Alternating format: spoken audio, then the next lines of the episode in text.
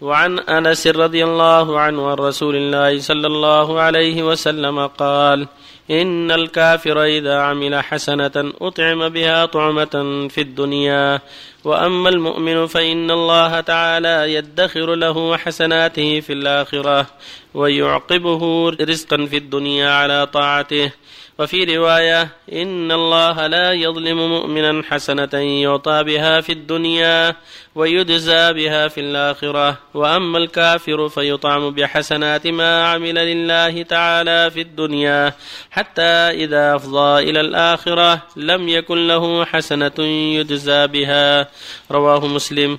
وعن جابر رضي الله عنه قال قال رسول الله صلى الله عليه وسلم مثل الصلوات الخمس كمثل نهر جار غمر على باب أحدكم يغتسل منه كل يوم خمس مرات. رواه مسلم. وعن ابن عباس رضي الله عنهما قال سمعت رسول الله صلى الله عليه وسلم يقول ما من رجل مسلم يموت فيقوم على جنازته أربعون رجلا لا يشركون بالله شيئا إلا شفعهم الله فيه. رواه مسلم.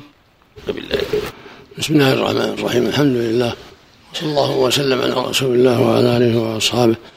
ومن اهتدى بهدى أما بعد هذه الأحاديث الثلاثة كالتي قبلها تبين سعة فضل الله وجوده على أوليائه المؤمنين وأن أنه سبحانه لا يضيع عمل عامل بل يأجره عليه إذا كان مؤمنا مع ما يدخر له في الآخرة وإذا كان كافرا جازاه به في الدنيا. يقول صلى الله عليه وسلم إن الكافر إذا عمل حسنة أطعم بها طعمة في الدنيا. مثل صدقة على أقاربه مثل تيسير على معسر وما أشبه ذلك. أما المؤمن يجمع الله له الأمرين يأجره في الدنيا وفي الآخرة جميعا. كما قال تعالى ومن يتق الله يجعل له مخرجا ويرزقه من حيث لا يحتسب. ومن يتق الله يكفر عنه سيئاته ويعظم له أجرا. ومن يتق الله يجعل له من أمره يسرا. إن تتقوا الله يجعل لكم فرقانا ويكفر عنكم سيئاتكم ويغفر لكم. فأنت يا عبد الله المؤمن أنت على خير عظيم. فاجتهد في الخيرات. وفي الطاعات وربك سبحانه جواد كريم. يعطيك في الدنيا من رزقه وفضله على طاعته. ومع ذلك يأجرك في الآخرة على حسناتك الحسنة بعشر أمثالها. إلى سبعمائة ضعف إلى أضعاف كثيرة. وهذا من جوده وكرمه وإحسانه إلى عباده. فجدر بالمؤمن أن ينافس في الخيرات وأن يسارع في الطاعات. يرجو ما عند الله من المثوبة. ويقول صلى الله عليه وسلم مثل الصلاة الخمس كمثل نهر غمر. على باب أحدكم يغتسل من كل يوم خمس مرات. قال في الرواية الأخرى هل يقوي ذلك من درنه شيئا؟ يعني أنها تغسل الذنوب والخطايا لمن لم يصر على السيئات. كما في الرواية الأخرى الصلوات الخمس والجمعة إلى الجمعة ورمضان إلى رمضان كفارات لما بينهن إذا اجتنب الكبائر. أخرجه مسلم الصحيح. فالروايات المطلقة تفسر بالروايات المقيدة. فالمؤمن صلواته يكفر الله بها سيئاته ويهفو بها خطاياه إذا لم يأتي الكبائر. فيجر فجدر بالمؤمن أن يتقي الله وأن يراقب الله وأن يحرص على أسباب النجاة. يحرص على كل خير يرجو ثوابه من عند ربه جل وعلا. كذلك فضل كثرة الجمع على الجنائز. يقول صلى الله عليه وسلم ما من رجل يقوم على جنازته أربعون رجلا لا يشرك بالله شيئا إلا شفعهم الله فيه. وفي حديث عائشة يبلغون مئة إلا شفعهم الله فيه. لكن بفضله جل وعلا جعل أربعين بدل مئة. هذا يدل على أن كثرة الجمع على الجنازة من أسباب الخير للميت لأنهم يشفعون فيه ويدعون الله له. هذا فضل عظيم. كل ما زاد الجمع كان خيرا للميت المسلم لأن إخوانه يدعون له ويشفعون فيه أن يغفر الله له. هذا من فضل هذه الأشياء كلها تدل على حسن الرجاء وعظم الرجاء.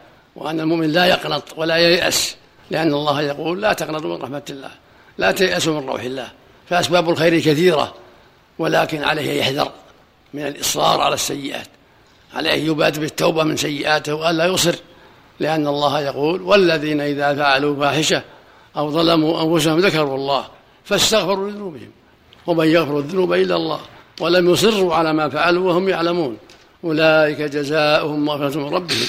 وجنات تجري من تحتها أنهار خالدين فيها ونعم أجر العاملين. ويقول جل وعلا إن الله لا يغفر أن يشرك به ويغفر ما دون ذلك لمن يشاء. فالجدير بالعاقل والجدير بالحازم أن يحذر السيئات وأن يبادر بالتوبة إلى الله منها وأن لا يصر على سيئة لا قليل ولا كثير. دائما الحذر من السيئات دائم التوبة دائما الاستغفار يرجو ثواب ربه ويخشى.